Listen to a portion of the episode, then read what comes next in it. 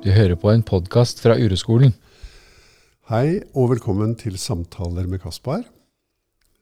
Jeg heter Kaspar Seip, er urolærer på Uroskolen og lager podkaster.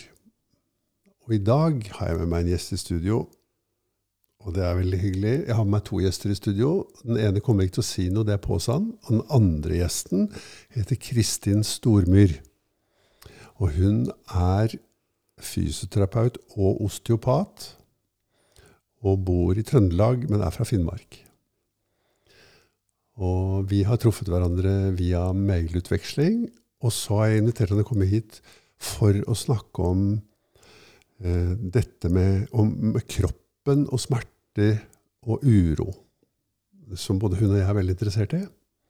Jeg er også fysioterapeut, egentlig. Utdannet som det i sin tid. Så velkommen, Kristin. Tusen takk. Så veldig hyggelig at du ville komme og være med og lage podkast. Tusen takk for at jeg fikk lov å komme. Ja. Det var veldig overraskende, Ja. men hy veldig hyggelig. Ja. Mm. Så um, kan ikke du bare fortelle litt om Du jobber jo ikke som fysioterapeut, men som osteopat. Ja. Ja. Så når du interesserer meg som fysioterapeut, så er det nesten litt fremmed for meg, fordi Ja. at det er så mange år siden jeg var fysioterapeut. Men jeg er jo det i bunnen, og jeg har jo det som jeg har jo den autorisasjonen fortsatt. Men, Ja. men eh, jeg er osteopat, og det er det jeg presenterer meg som, da. ja. Um, mm. Men kunne du si noe til meg, fortelle meg eh, altså det finnes, Siden jeg ble utdannet, så fins det så veldig mange rare yrker som jeg har hørt om. som, jeg, som, sånn, eh, som ikke fantes da jeg var ung, Mm. og som jeg lurer liksom på hva er det for noe. Mm. Eh, Det er litt sånn som gestaltterapeut og osteopat og naprapat og, Mm. og mange ting som er sånn Jeg kunne veldig godt tenke meg å høre Kan du si noe kort om Jeg vet at du også er fag Du er fag, eller fagpolitisk um, Heter ikke det? Mm, Altså aktiv? aktiv. Ja. Ja, du er nestleder i Osteopat. Hva heter det? Norsk Osteopatforbund. Ja. Mm. Det stemmer. ja. Eh, Så, så jeg kunne veldig godt tenke meg å få en At eh, jeg og de som hører på, får en kort innføring hva er osteopati. Osteopati. Mm. Og da får du maks tre setninger. Å ja. Ehm, ja. Osteopati Osteopater er, er jo manuelle behandlere. Ja. Vi er jo i samme eh, bransje som kiropraktorer, naprapater og fysioterapeuter. ja. Sånn at det er jo ikke så veldig ukjent. Ehm, og vi har en uh, brei medisinsk uh, utdannelse ehm, som uh, har en, et annet klinisk resonnement, kanskje, rundt, uh, rundt problemstillinger som folk kommer med, enn en, um, ja, mange av de andre. Ja. Sånn at vi prøver bare å være en sånn komplementerende um, fag inn imot uh, muskel-skjelettlidelser som Ja. folk har, for det er muskel-skjelett vi jobber med. Um, og i utgangspunktet så, så ser man jo oss tradisjonelt på et uh, behandlingskontor med en benk og, og hodet og hendene våre, da. Ja. Um, men vi kan også jobbe med idrettslag og i forskjellige andre som helseprofesjoner. Ja. Vi ble autorisert helsepersonell i fjor, Ja. 1. mai i fjor, i lag Ja. med naprapatene. Ja. Mm. Så da eh, kommer vi inn under helsepersonelloven og, Ja. og må oppføre oss deretter. det Og det er fint for både plikter og rettigheter. Ja. Mm. Så da er vi gått litt sånn ut av alternativbransjen da, og inn i det etablerte helsevesen. Ja. Mm. Men i utgangspunktet jobber vi med muskel-skjelettplager, Ja. eh, og i all hovedsak på et, eh, i en behandlingssituasjon på et kontor der folk kommer med Ja. smerter. Mm. ja. ja men så spennende. Um, skal jeg fortelle en hemmelighet? Nei, det er ikke noen hemmelighet, for jeg har fortalt det før.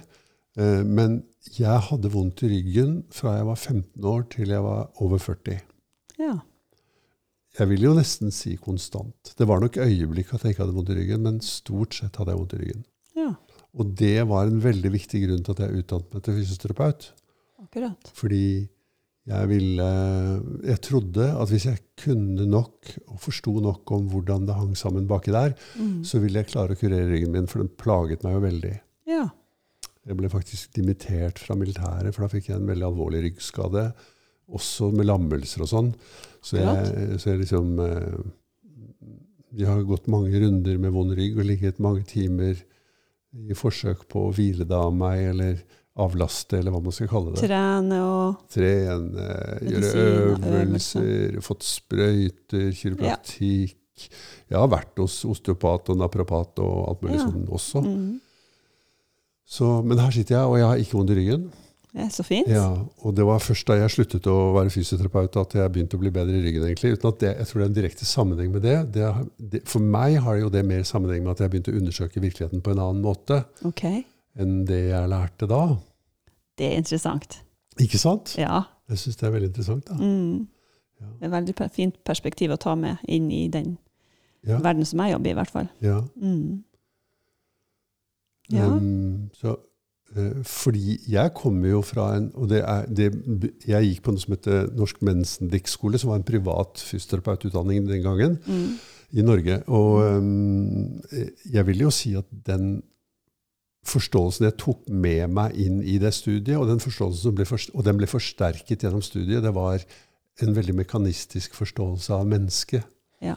Eh, selv om vi jo har holdt lange og fine taler om hvor viktig det var å se hele mennesket og behandle hele mennesket. og sånn. Mm. Det er jo ikke sånn at en utdanning er, gjør at man får, en får en veldig dyp forståelse av ting. Nei. Mm, Det skal mange års praksis for å få det, tror jeg. Mm, Men eh, mm, jeg, jeg levde jo med det i mange år etter det også, en, veldig, en slags idé om at hvis man skaper ideelle ernæringsforhold i mus muskel-skjelettapparatet, så vil det ikke gjøre vondt lenger. Det tror jeg er en ganske gjengs oppfattelse enda. Ja. Mm. Eh, Og så, mm, på et eller annet tidspunkt mye senere, da det er liksom da jeg, jeg gikk gjennom en stor livskrise sånn i begynnelsen av 40-årene, da jeg var i begynnelsen av 40-årene, Mhm. med skilsmisse, og jeg har skrevet om det både i en bok og snakket om det på podkast. Ja, jeg kjenner igjen deler av det. Ja. Og I forlengelsen av det så, jeg, så fikk jeg liksom helt nye impulser og en kanskje en veldig langsomt voksende forståelse i meg selv. Og hvis jeg skulle oppsummere den, så er den sånn ryggen er baksiden av magen. Mhm. Og når man har vondt i ryggen, så er det fordi det er der man kjenner uroen. ja, ja. Ja. Mm. Og det var en helt utenkelig eh, forståelse for meg da jeg var fysioterapeut. Jeg visste ikke noe om det.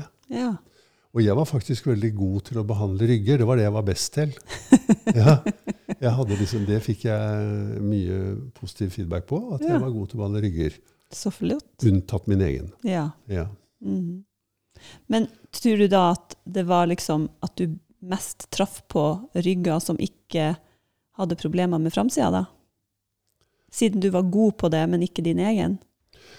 Eh, Eller tror du at du ubevisst hjalp dem på flere plan, sånn at fra forsida ble påvirka? Jeg, tror jeg tror ikke det finnes rygger som ikke er baksiden av magen. Nei? Eh, det er det ene. Mm. Uh, men det andre er jo at eh, jeg tror det har så veldig mye med person å gjøre. Altså Mm. de møtene som du som terapeut har, og som jeg som terapeut, som jeg var da, hadde. Mm. det, å det å nå frem til folk, og det å, at folk føler seg sett og hørt, at det betyr så utrolig mye for behandlingsresultatet. Ja, ja, ja. Og at kanskje det var noe av grunnen, og at jeg hadde en innlevelse i det å ha en vond rygg, som ikke alle fysioterapeuter har. Nettopp. Noe mm. I den stil. Eller noe i den Ja, duren der. Sant? ja. Mm. Så, Ja, det tror jeg du har rett i. Og fryktelig mye forskning støtter jo også det da at, at eh, relasjonen til terapeuten er like viktig eller viktigere, er det viktigste momentet i en behandlingssituasjon, i en terapisituasjon. ja, Viktigere enn om, ja. enn om man setter i gang med trening eller samtaler eller kostholdsendring. Så er relasjonen du har til den terapeuten du har, det er viktigere enn enn hvilke, ja, hvilken tittel den terapeuten har. da. ja. Og kanskje til og med i veldig mange sammenhenger hva den terapeuten gjør Mm. av, av grep for Mm. som må helbrede. Ja. Ja. Mm. Ja, det er veldig interessant, syns jeg. Mm. Um, En annen måte å si det kunne være tillit. Eh, Det forholdet du har til den terapeuten, eller til den legen, eller til den som du oppsøker for å få hjelp. Mm. På å si snekker. Jeg har jo brukt mange håndverkere fordi jeg har hatt mange hus. Mm. Jeg vil jo si at forholdet mitt til den håndverkeren, om det er en person jeg har tillit til, Mm. betyr veldig mye. Ja, Ja, ikke sant? ja, Og da skal han holde på med huset ditt, liksom. ja. Så Ja. mm. Spennende. Mm. Når du eh, liksom i, um, Har du noe erfaring med hvordan å si noen ting om med din innfallsvinkel eller ditt perspektiv? Da? Jeg liker ordet perspektiv, fordi Mm. vi har alle forskjellige perspektiv. Mm. Alle mennesker ser virkeligheten litt forskjellig. Mm. Når du arbeider med mennesker og menneskers kropp og sinn, Mm. så uh, har, du, har du noen erfaringer om hvordan henger det egentlig sammen at vi får så vondt i skulderen eller nakken eller ryggen eller bekkenet eller Eller vi Mm. blir så utslitt. Det er jo en veldig moderne lidelse, det er å være Mm. utslitt. Eller, Mm. eller hva heter det nå? Um, Utbrent. Utbrent, ikke Mm. sant? Ja, jeg tror at det, Jeg vil tro at det kanskje utbrent er en variasjon av eh, eh, Og kanskje en mer omfattende og bedre beskrivelse av det folk har vært plaga med opp gjennom tida, vil jeg tro. At mange har oppsøkt behandling. Altså det har vært mer stuereint og mer mekanisk å komme med vondt i ryggen, men egentlig har de følt seg utslitt. Jeg klarer ikke å jobbe. Ja. Men det ikke, og så har man sagt det fordi at jeg har vondt i ryggen, men ja. det kan, du skal ikke se bort ifra at de kanskje har hatt eh, flere ting som har plaga dem i utgangspunktet. Men, eh, men eh, det er, jeg har liksom tenkt Det er mange forskjellige måter folk som kommer til meg Noen ganger så er det jo ganske sånn uh, muskel-skjelett-relaterte problemstillinger som man på en måte gjennom bindevevsystemet kan se at ting henger sammen med en gammel skade eller, en, eller eh, noe arrvev eller et eller annet som har skjedd. da. Sånn ø, ø, traumatisk eller ikke, liksom. Eh, og, det, og da kan man hjelpe dem med å få ja, friere bevegelighet i forskjellige områder i kroppen. Og det er jo litt sånn me mekanisk syn på ting, da. ja. Men så har du jo dem som kommer med der det ikke er tilfellet. Mm. Uh, mye hodepiner og sånne Ja. ting. Og da har jeg, da har jeg oftere i det siste, pga. uroperspektivet, begynt å tenke Skal tro om hodepina di egentlig er en type uro. Fordi at folk kan ha en hodepine som ja, kan eh, Jeg har flere pasienter som Nei, av og til hvis jeg spiser det, så får jeg hodepine, men av og til hvis jeg spiser, så får jeg ikke hodepine. Av og til på jobb så får jeg det, og av og til ikke. Mm. Av og til når jeg trener, og av og til ikke. Så det er liksom ikke noe sånn det er ikke noe sånn ren linje i, i, i historien om hva som utløser problemet, at de er plaga med hodepine, Ja. og du klarer ikke å se noe mønster i det. Og da blir det jo fryktelig vanskelig og fryktelig uoversiktlig. Mm. Og så kan de drive og, og, og prøve å kikke på de herne, alle de herne faktorene som de tror kan påvirke hodepine, altså de har lest, og flinke, kloke folk. Ja. Eh, og så, hvis vi begynner å snakke om uroperspektivet, kan vi snakke om på, av andre årsaker, liksom som en del av stressmestringa. Men vi har ikke kanskje snakka så mye om at selve hodepinen er en uro. Mm. Altså, det er istedenfor å ha den uroen som dere ofte snakker om, at den ligger i magen, og at det er et press eller en kvalm eller noen sånne ting, at den bare er i hodet, da. Og at det, man kan se på det litt sånn. Ja. Og så skal man liksom begynne å si um, Å romme hodepina si, da. Ja. Og det tror jeg er litt Det, det, det har jeg begynt med i det siste, da. Eh, Ja. Siste året. Ja. Mm. Men, eh, men det er litt eh, det er, litt, det er veldig annerledes å tenke sånn. ja. Mm. Men jeg får jo når du sier det, da, så får jeg liksom eh, lyst til å trekke inn og si um, Ja, utvide det perspektivet enda mer. For det første så, så eh, jeg tror at det er veldig lurt. Det er jo ikke sånn at magen eller ryggen eller hodet eller nakken er adskilt fra noen andre kroppsdeler. Nei? Vi er én. Vi er ett. Mm. Hva var det Gro Harlem Brundtland sa? Alt henger sammen med alt. Mm. I kroppen også. Og vi har ikke noe god oversikt over det, hvordan ting påvirker hverandre. Det er som et slags mysterium. ikke sant? Ja. Vi kommer aldri til å få den fulle oversikten over det heller. Mm. Men den, eh, ja, det å hva gjør, En innfallsvinkel kan være hva gjør det med deg å ha hodepine? Mm. Ja. Hva, hvis jeg tenker på hvordan, hva gjorde det med meg, hva er det jeg kom i kontakt med når jeg har så vondt i ryggen? Ja. Det er frykt og hjelpeløshet. Ja. Ikke sant? Ja. Fortvil. Og jo, eh, uansett hva jeg gjorde, liksom, så var det der. Ikke sant? Mm. Og mange ganger jo mer jeg gjorde, Mm. var det der. Ja. Og mange ganger hvis jeg ikke gjorde noe, så var det der. Akkurat som du sier. Ja, ikke ja, ja. Det er liksom Ja. Hjelpeløshet, fortvilelse, frykt, mm. skam over å være så feil, liksom. Aldri ikke funke ordentlig. Nei. Enda så mye tiltak som blir gjort, så er du fortsatt, så Ja. funker det ikke, liksom. Ja. Ja. Oppgitthet. Mm. Mange sånne dype følelser, da. Mm. Eh, så, så en annen måte å si det på, da, Kristin, det er um, Det er um, hva, sant, hva leder ryggvondten eller hodepinen deg inn mot? Jo, den leder meg inn mot den, hva, når jeg har den i livet mitt. For det første så trekker den til seg oppmerksomheten hele tida. Mm. Sånn at jeg blir veldig opptatt av det symptomet og prøver å fikse det. Ja, ja, ja. Ja. Helt. For det andre så trekkes da oppmerksomheten bort fra de følelsene. Ja. Skjønner du? Ja, ja, ja. Jeg tenker alltid at opp oppmerksomheten den er jo egentlig på en måte litt som et en skjerm, et TV, en rute eller et felt som har avgrensninger. Mm. At vi kan bare ha noe i oppmerksomheten. Og hvis vi har én ting i oppmerksomheten, der ligger den i forkant innafor den ruta, Mm. og alt annet ligger i bakkant. Og noe er helt utafor den ruta. Ja. Og noe, og noe ligger langt i bakkant, sånn at det er langt inn i tåka. Og noe ligger litt mer sånn at du Sånn som nå når jeg sitter og ser på deg, så ser jeg samtidig den sofaen i bakgrunnen. Ja, ikke sant? ja. Men når jeg da har vondt i hodet eller ryggen, så er det hodet og ryggen som ligger i forkant og Mm. i oppmerksomhetsfeltet.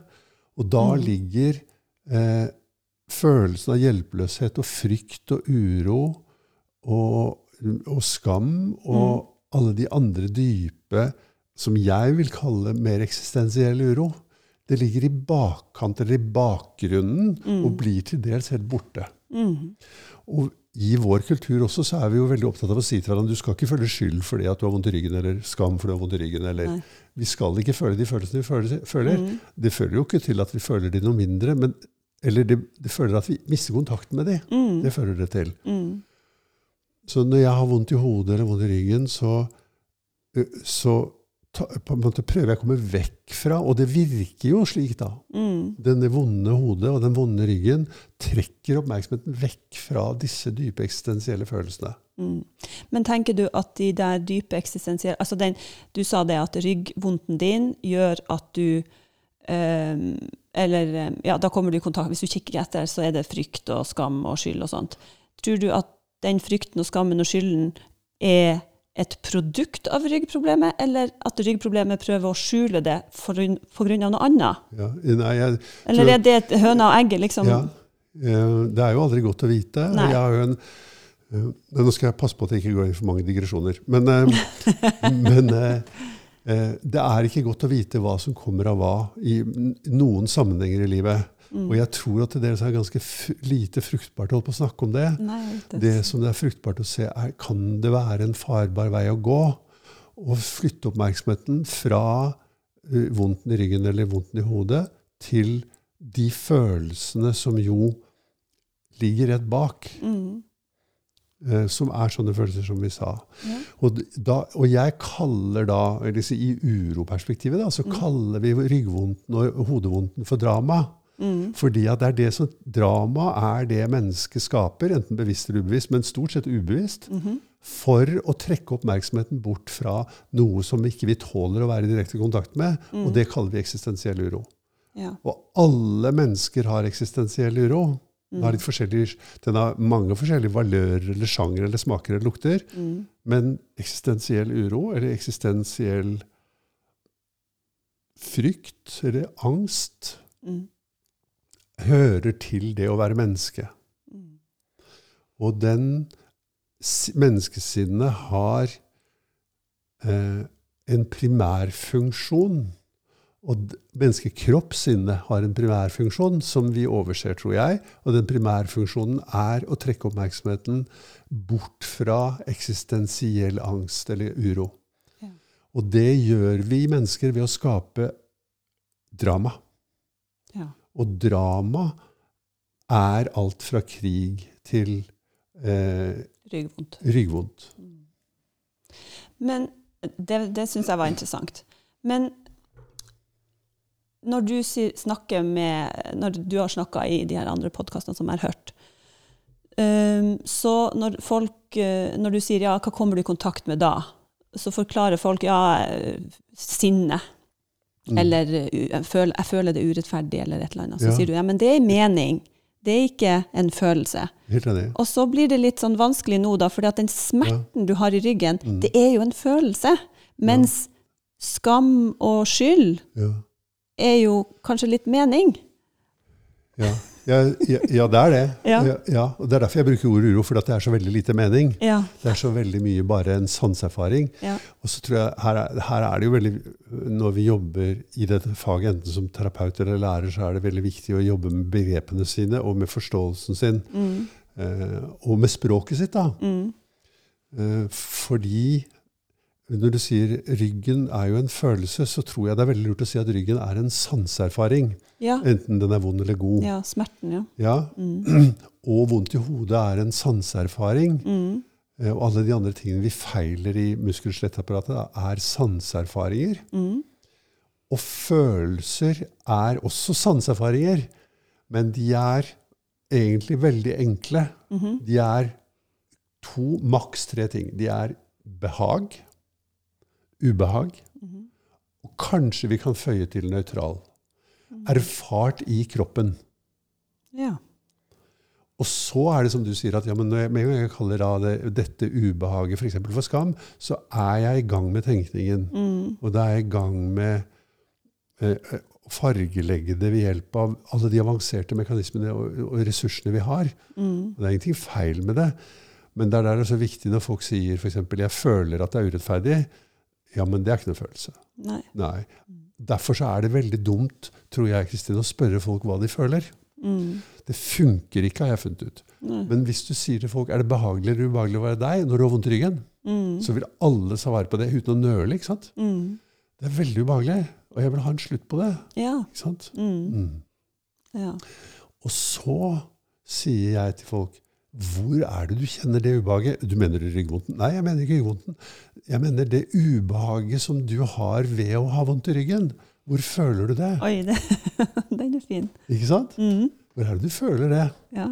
Mm. Hvor er det du sanser det, da? Mm. Og det er jo et eller annet sted i bryst-mage-området. Mm. ikke sant? På grunn av hvordan nervesystemet til menneskene er bygget opp, er det der. Mm. Det er jo hele kroppen, men senteret for disse følelsene ligger her. Mm. Um, og da er vi liksom over i det veldig fysiske, ikke sant? Ja. Jeg husker jo det da jeg var, jeg hadde denne store livskrisen i mitt liv sånn på tidlig i 40-årsalderen. Så, så gikk jeg på et kurs, og vi drev og pustet. Var, veldig, var veldig, helt fantastisk. Da. Det var sånn åpnet seg en helt ny verden for meg, som var fysioterapeut. Hvor man brukte pusten på en helt annen måte enn det jeg hadde lært. Mm. Kanskje noen, det sier noe, f.eks. holotropisk pusting. eller altså Pusting som handler om å, for, å forandre på pusterytmen litt, Mm. bevisst og med vilje. Mm. Under, under veiledning av en erfaren person da, så forandrer du pusterytmen. Og da, da er det veldig mye som forandrer seg inni deg. Du får mange veldig merkelige og helt nye erfaringer. Og gjennom det så kjente jeg for første gangen som jeg kan huske, en, en veldig dyp fysisk smerte i mage-bryst hos meg selv. Og jeg ble så sjokkert over det. Ja. At, at, jeg, at jeg hadde så vondt. Jeg trodde jo at den smerten betydde at jeg skulle dø. Ja. Og jeg ble så skremt av den at det var så mye fysisk smerte i meg. For jeg trodde at følelsesmessig smerte var noe annet enn det der.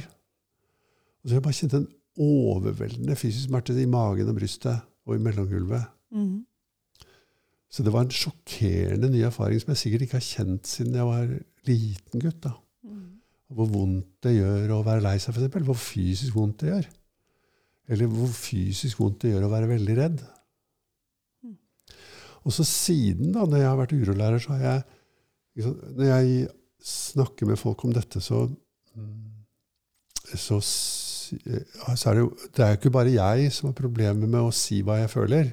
Folk har problemer med det. Mm. Og når jeg prøver liksom å snakke med folk på en sånn måte de skal bli klar over følelser Så eh, Det er ikke så veldig lenge siden jeg snakket med en kar som Vi holdt på med det da. Han syntes det var så vanskelig. Nei, han, han mente at det satt i hodet, da. Og så plutselig så ser han på meg når vi sitter og prøver å plukke i dette her. Så ser han på meg og sier han, Å ja, mener du fysisk? Ja, jeg mener fysisk. Det, følelser er fysisk. Ja. Det å føle noe er en fysisk erfaring. Det er en sanseerfaring, og det er helt fysisk. Og så plutselig så skjønte han det, og det var akkurat sånn jeg hadde det også. ja. Plutselig skjønte jeg det. At følelser er ikke noe hokus pokus eller noe sånn der spirituelle greier. eller sånn. Det er bare en fysisk Det er fysisk vondt, da. Eller fysisk godt. ja. Ja. Mm. Men det er en sanseopplevelse, i hvert fall. ja. Mm. Mm. Hm. Det var fin, den der med, med at eh, ryggen er et drama, ja. Mm. ja. Kanskje det er slik at sykdom i det hele tatt er drama, da. Ja, Og eller der- ganske ja. mye, da. Ja, ja. Man kan ikke si at all sykdom er det. ja. Altså man, kan, man kan godt si at det er fordi vi lager jo drama rundt sykdom. mm. Jeg har prøvd å ikke lage drama rundt sykdom, og det er jo på en måte farlig hvis du har alvorlig sykdom. ikke sant? ja. For du kan dø Mm. i, mens du rommer den, all den uroen. da. Mm. Jeg har prøvd det, og det var jo så vidt jeg døde. Mm. Det var jo veldig interessant, syns jeg. Ja. Ja, Mm. Veldig interessant. Det var, eh, og det hadde en helt enorm helbredende effekt på meg. Og det var bare å være sammen med sykdommen istedenfor å prøve å bli kvitt den hele tiden. da. Og det var bare en eh, infeksjon, men det var en lungebetennelse. Mm. Så var jeg bare sammen med den, liksom. Og så var det bare så snudde det, liksom. Og jeg vil ikke anbefale noen å gjøre det, jeg. Ikke det hele tatt. Jeg er ikke noen behandler, så jeg veit ikke noe om dette her. Men sånn var det for meg. Mm. Og så gikk jeg til legen, og så sa de ja, nå er, du er gjennom det, men du er jo veldig heldig som lever etter å ha gjort det der. Ja. Ja. Mm. Så ja. Det er kanskje ikke et eksperiment å gjøre Nei, med alt. det må jo være Men med til noe, ja. Ja. Mm. Og i hvert fall når man har vært alle rundene, man har vært og fått tatt MR og CT og ultralyd, og man har tatt blodprøver. Og på et, et eller annet tidspunkt så lurer jeg liksom på når skal du gi deg med Ja. å ja. styre sånn på?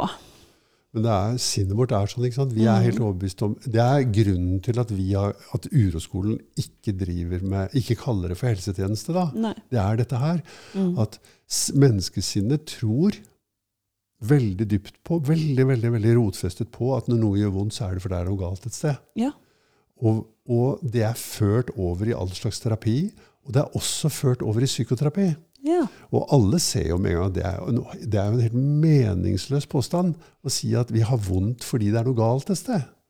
Ja, men det er ganske, egentlig Ja. altså, I smerteteorien så er det jo relativt nytt, da. Altså, I hvert fall for folk flest. Vi må jo overbevise enhver pasient som du skal Ja. forklare litt om smerte, at det er ikke nødvendig at det er en feil i, på, på cellenivå i, i, inni kroppen din nå. Nei. Men det er fryktelig vanskelig for folk å forstå det. At det er vondt allikevel. Ja, Ja. At det er vondt allikevel. Ja. At det er noe annet som kan gi vondt. Ja. Ja. jeg, tror det, jeg tror jo det er slik, og at det er det vi snakker om når vi snakker om uro. Mm. At det, uroen gjør seg utslag i veldig konkret fysisk smerte. da. Mm. Så lenge den ikke blir møtt. Mm. Ja. Og at det å møte uro det er en ting vi kan lære oss. Det er ikke noe, det er ikke noe terapi i og for seg. Det er, bare en sånn, det er bare en veldig enkel ting som vi kan lære oss. Vi kan lære det veldig tidlig i livet. Og det går jo egentlig på det der med å, eh, å inkludere at det er mange ting i livet som gjør vondt. Og istedenfor bare prøve å bekjempe det hele tiden. Ja. Og inkludere det. Mm. For eksempel, hvis du tenker i barnehagen eller på skolen, da. Mm. At barn som opplever ting som er vondt, mobbing eller utstøtelse eller noe Det å ta, gripe fatt i det som er vondt, og si 'hvordan er egentlig det', kan du være sammen med det? Kan du gi det plass? Istedenfor å gå ut og forandre barnehagen eller, eller ta, få tak i syndebukken eller hva det nå er. da. Mm. Absolutt. Ja. Ja, det, det, er det, det er jo det som er det fine med, med uroperspektivet, å, å kikke på det fra en helt annen vinkel. ja. Ja, Istedenfor å si, si at eh, her er det noe helt feil. Så ja, det ja. er det. Ja, så I det perspektivet så er det jo nesten sånn da, hvis det folk kommer til deg med muskelskjelettsmerte Mm. ikke sant? Mm. eller eh, dysfunksjon, Mm. at du, her er det noe som er helt rett. Mm. Ja. Kroppen din sier ifra. Mm. Mm. Nå skal vi se. Mm. Mm. Istedenfor ideen om at det er feil. Ja. At kroppen sier fra. Det var en mann hos meg før i dag, og han sa noe veldig smart. Synes jeg. Han sa det er akkurat som ikke jeg tar signalene i meg selv på alvor. Sånn. Mm. Og det kjente jeg meg umiddelbart igjen i. Mm. At jeg, jeg har jo lært å ikke ta signalene på alvor. Mm. Og kanskje vi til og med det å leve i en kultur, kultur betyr å gi opp og ha så veldig mye kontakt med de signalene. Mm. At sånn er det å være menneske, liksom. Ja, ja. Jeg hadde jo en håndverker inne her forleden dag og, som har vondt i ei arm. Og det er jækla upraktisk når du er håndverker. Ja. Men så sa jeg hvis du ikke hadde vondt i armen, hva hadde du gjort da? Nei, da hadde jeg jo kjørt på, da. Ja. Ja, OK. Så er det en, grunn til at den vondte er der, da? ja. At det ikke vil gi seg helt. Mm. Du klarer å jobbe litt, men du klarer ikke å jobbe 150% som du har lyst til. Du klarer bare å jobbe 70. Ja. Mm. Ja. Og kanskje det er det du trenger. Mhm. Men eh, da ville jo også kanskje, Det er jo, eh, hadde vært veldig spennende å høre da, hvis du tok med det tilbake liksom, i terapirommet og sagt og, hva, og Hvordan er det å være deg når du har en sånn dårlig arm? Mm. Er det behagelig eller ubehagelig? Og hvor er det ubehagelig igjen? Ja, og hvor er det ubehagelig? For det er Ja. den jeg ikke har spurt om, da. Ja. Fordi at eh, svaret når jeg spurte ja, hvordan er det, ja, det er latterlig. Ja. Ja, altså, Ja, det- Meninga var at det her er jo helt håpløst. Ja. ja.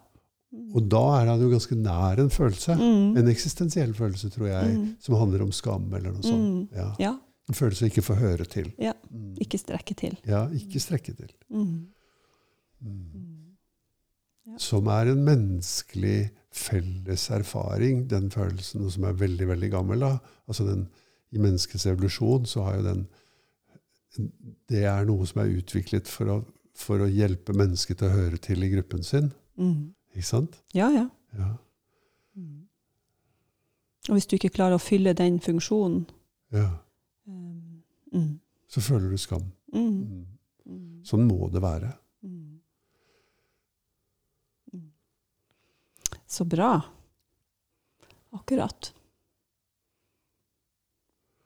Så det er å se, å se på sykdom og helsevesen som del av det samme dramaet, det liker jeg, da. Eh, fordi helsevesenet danser jo rundt symptomene. Mm. Ikke? Og så sier de ja, men vi er veldig årsaksorienterte, vi prøver å finne årsaken til sykdommen, og det kan godt være, men, men hele det teatret som helsevesenet er, er en del av det samme. Der er jo ikke sant, Det er gjensidig avhengig av roller. Behandleren og den syke. De er gjensidig avhengige. Det er jo ingen behandlere som er nødvendige hvis det ikke er noen syke. Nei. Og det er ingen syke som er nødvendige hvis ikke det er noen behandlere. Mm. Eh, og, de, og det utgjør et drama som får veldig veldig stor plass i vårt samfunn. Mm.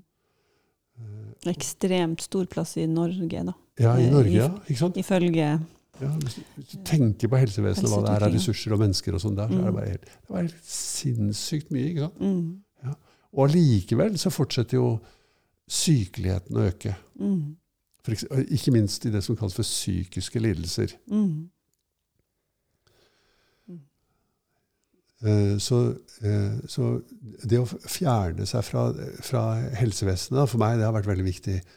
Altså, ja, men vi driver ikke med, vi er ikke interessert i de symptomene i det hele tatt. jeg. Så når folk kommer til meg, så sier jeg, folk kommer for med en spiseforstyrrelse, så sier jeg jeg er helt uinteressert i det der. liksom. Jeg Mm. er ikke, jeg er ikke opptatt av det. Men hvordan har du det da når du har spiseforstyrrelse? Hvordan er det å være deg? Mm. Er det behagelig eller ubehagelig? Mm. Ja. Og så er det, det er veldig vanskelig for oss å klare å kjenne det fordi at vi er så vant til at alle mennesker er opptatt av spiseforstyrrelsen. Mm. Den må vi få gjort noe med. Mm. Vi må tvangsfòre, eller vi må lage dietter, eller vi må gjøre noe, eller vi må gi terapi som er sånn at folk slutter å gjøre det som er dumt, og begynner å gjøre det som er lurt. Mm. Og, så er, og alle de som har spiseforstyrrelser, eller hvilken som helst annen, OCD eller hva det er, da, Mm. har jo la, hørt det. Mm. Uten at det hjelper så mye. da. Det hjelper jo litt noen ganger. Mm. Akkurat som fysioterapi hjelper på ryggen også noen ganger. Mm. Det hjelper å trene ofte. Ja, ja. Så, men det er en annen ting jeg kunne tenke meg å høre med deg. Sånn det, fordi at vi er jo manuellterapeuter, sa du. Ikke sant? Mm. Innledningsvis. Manuelle behandlere. Man, ma manuelle behandlere, ja. Mm. ja. Terapeut og behandler, er ikke det det samme, da? Jo da, men manuellterapeut er jo Ja. en egen, er jo en egen eh, Ja, ja. tittel, da. Sånn at eh, ja, Pass på ikke ta den. Ja. ja, Ok, Men manuelle behandlere, ikke sant? vi er Mhm. det. i hovedsak. Så det betyr Da legger du hendene dine på folk, Mm. ikke sant? I aller høyeste grad, ja. Ja.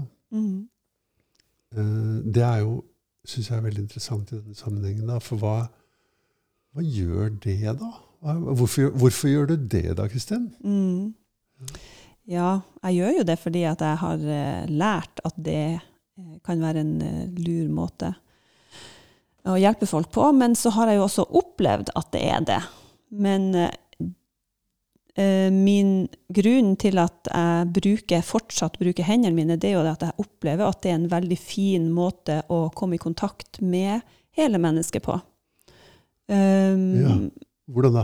jo, fordi at jeg kan med hendene mine kjenne på veldig mye. Du, du kjenner jo både på huden og på pulsen og på uh, pusten, og, og du, du, du får sanser inn ganske mange ting som det her mennesket har i seg og i livet sitt. Og så, så man får uh, den fine innfallsvinkel til å hjelpe, for at, fordi at jeg ikke er lærer, men terapeut. da. Ja. Så, så, eh, så jeg, jeg bruker hendene til å sanse hvordan dette, hva som skjer i dette mennesket, sier du. Mm, ja.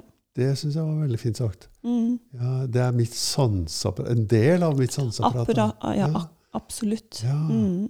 Ja, og temperatur og fuktighet. Og, Ja, alt sånt. Og selvfølgelig strukturen og, ja, og den stivhetsgraden i muskulaturen eller i det Ja. vevet. ja, Du, du, ja, ja, mm, du bruker hendene. Eh, og da Det er jo um, det er mye forskning som støtter òg at the power of touch, da, at det at vi er borti folk Vi skal ikke undergrave det, og at det kan vise seg at det er kanskje en av de største fordelene med manuell behandling, er Ja. faktisk touchet, berøringa med folket, og ikke nødvendigvis igjen Ja. hva du har slags ja, uh, tittel. ja. Men, men jeg har liksom tenkt på det at ja, skulle man begynne å bare snakke med folk da, eksempel? Er det en vei å gå? Hva skal man gjøre? Man kan jo tenke på forskjellige måter. Men jeg opplever at det å, det å eh, faktisk kunne bruke hendene også i, i en sånn totalpakke, i en systemteori der du hjelper mennesker fra flere, fra flere forskjellige retninger, da. ja. Um, det oppleves fornuftig for meg, og så opplever jeg at pasienten opplever det fornuftig, fordi at jeg tar faktisk plagen eller den fysisk opplevde smerten deres litt på alvor. De føler det at jeg er faktisk inne og sjekker. Mm. Er det noe galt? Jeg har så vondt i ryggen. Kan du sjekke om det er noe galt med ryggen min? Ja. Og så kan jeg på en måte sjekke det med hendene mine. Ja. Og så kan jeg bekrefte med hendene, gjennom det jeg har kjent med hendene mine, bekrefte eller avkrefte om de, om de har rett i sin antagelse at det her er eh, fysiologi, da. ja. Eh, og så, men så, og da, når jeg da har vært uh, testa og gjort uh, det som jeg kan gjøre, uh, og avkrefta eventuelt uh, ting som jeg burde ha henvist til en lege eller noe annet, så kan vi begynne å snakke om stress. Og det er folk helt med på. At stress er, i- i alle forskjellige varianter er med på å gjøre at kroppen ikke fungerer så optimalt, da, og at de har vondt. Um, mm. Eh, det, jeg, jeg får minner opp når jeg hører på deg. Mm. Uh, faktisk da, fra da jeg hadde vondt i ryggen. da. Mm. Eh, jeg, jeg, jeg fikk en veldig klar, uh, klart minne på hvor sterkt jeg ønsket å bli tatt på. Mm. Hvor mye jeg lengtet etter helbredende hender, eller hvor mye jeg lengtet etter hender som gjorde godt på meg, da. Mm. På ryggen min. Mm. Uh, og det var sånn og, og samtidig var det en veldig gjentatt erfaring at det, alt, at det aldri ble nok. Ja, kanskje det, ja. Ja. Ja.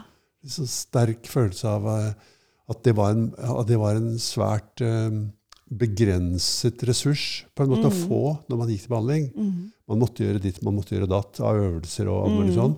Og det å bli tatt på Mm.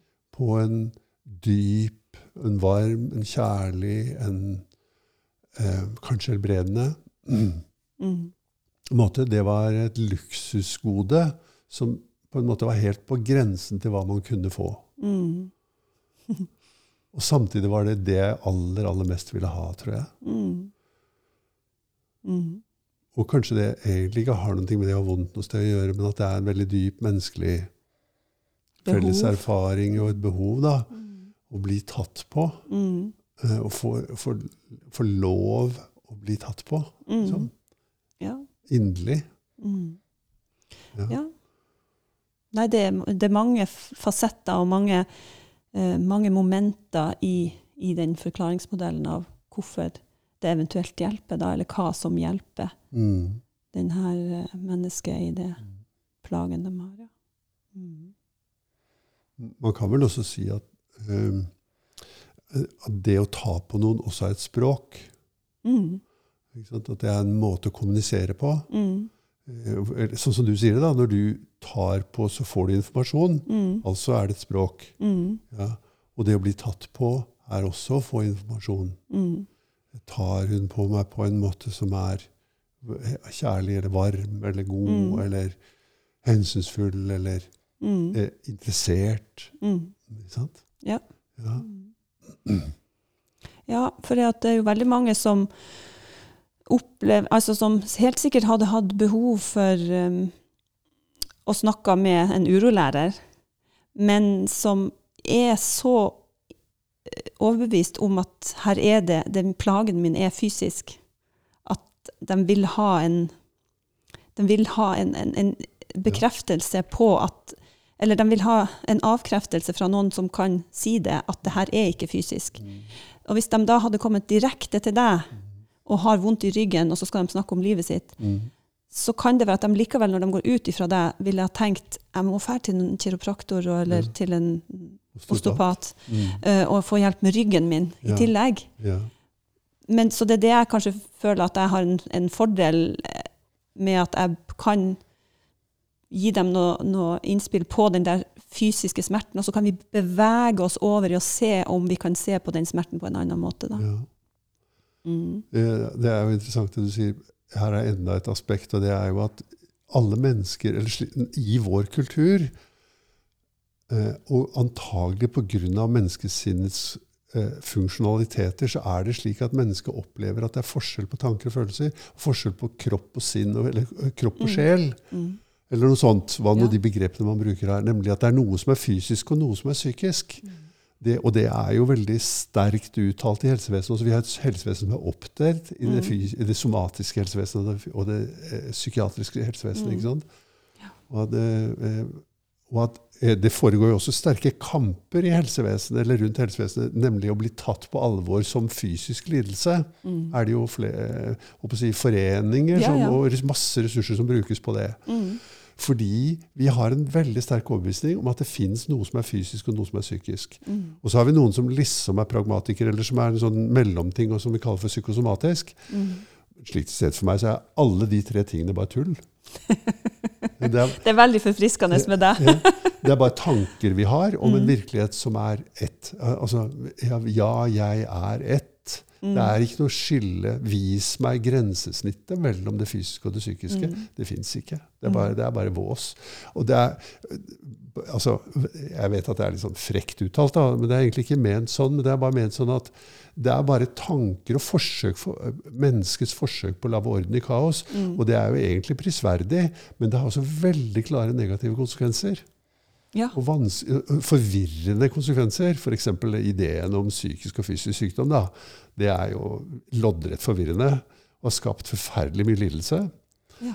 Og at det er, det er antagelig veldig nyttig da, å, å komme tilbake til Det heter vel holistisk forståelse, og det er veldig lett å bli oppfattet som sånn mambo jumbo. ja, alternativ, da. Ja, Mm. men det er egentlig bare det å se at ja, men det er ikke riktig at det går an å dele mennesket opp i noe fysisk og psykisk. Mm.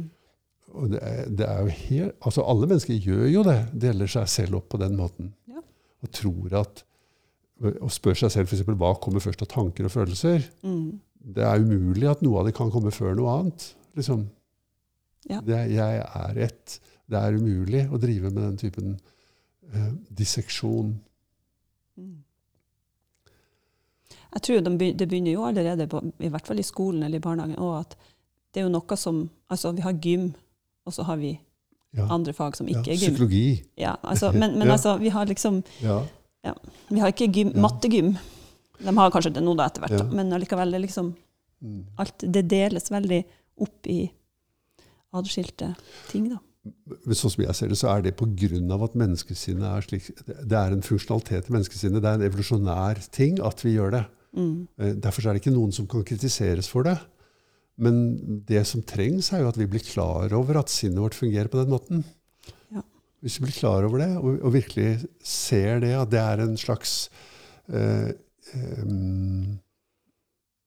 det, det er en forestilling og ikke en virkelighet. Mm.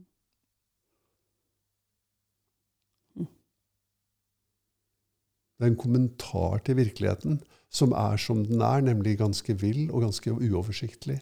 Og til dels kaotisk. Mm.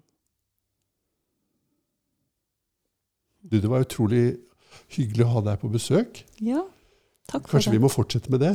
Ja. Ja. Lage noen podkaster om dette her.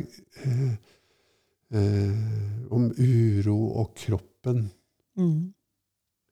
Ja. Jeg, jeg, grunnen til at jeg tok kontakt, det var jo at jeg tenkte at ehm, når du snakker om at eh, man skal gå mot uroen, og gå mot det ubehagelige, så tenkte jeg jo ja, det er jo vondt skal vondt fordrive.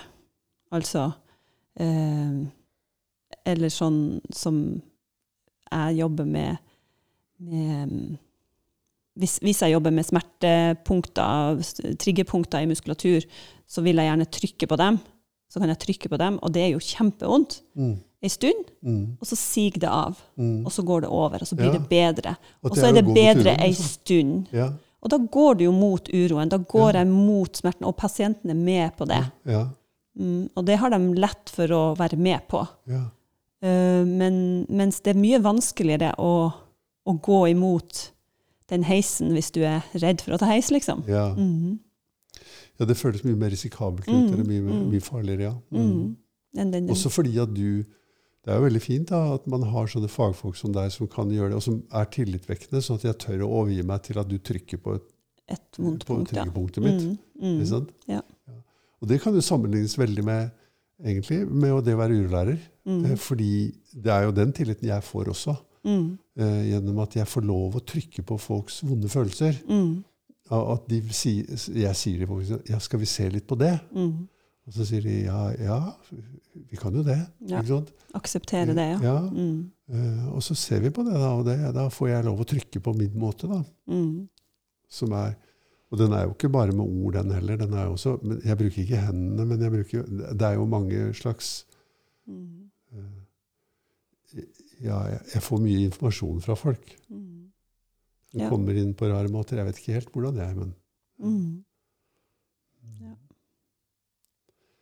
Ja, men du, det må vi gjøre. Ja. det kan vi gjøre. Du, eh, jeg håper jeg ser deg igjen. I like måte.